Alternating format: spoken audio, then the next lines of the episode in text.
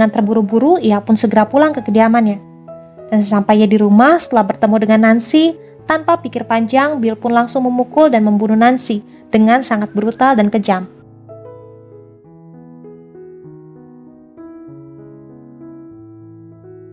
Di lain sisi, setelah mendengar informasi dari Dogger, Fagin meminta dan menginstruksikan kepada seluruh anak buahnya agar segera bergegas mengemasi barang-barang milik mereka, karena tidak lama lagi polisi akan segera datang menggeledah rumah dan menangkap mereka. Sebelum pergi, tak lupa juga Fagin mengamankan berangkas miliknya yang penuh harta hasil pencurian anak-anak asuhnya. Dan setelah itu, Fagin pun mengajak semua anak asuhnya mengungsi ke kediaman pencuri lainnya. Singkat cerita, berita pembunuhan tragis terhadap Nancy sangat mengejutkan seluruh isi kota.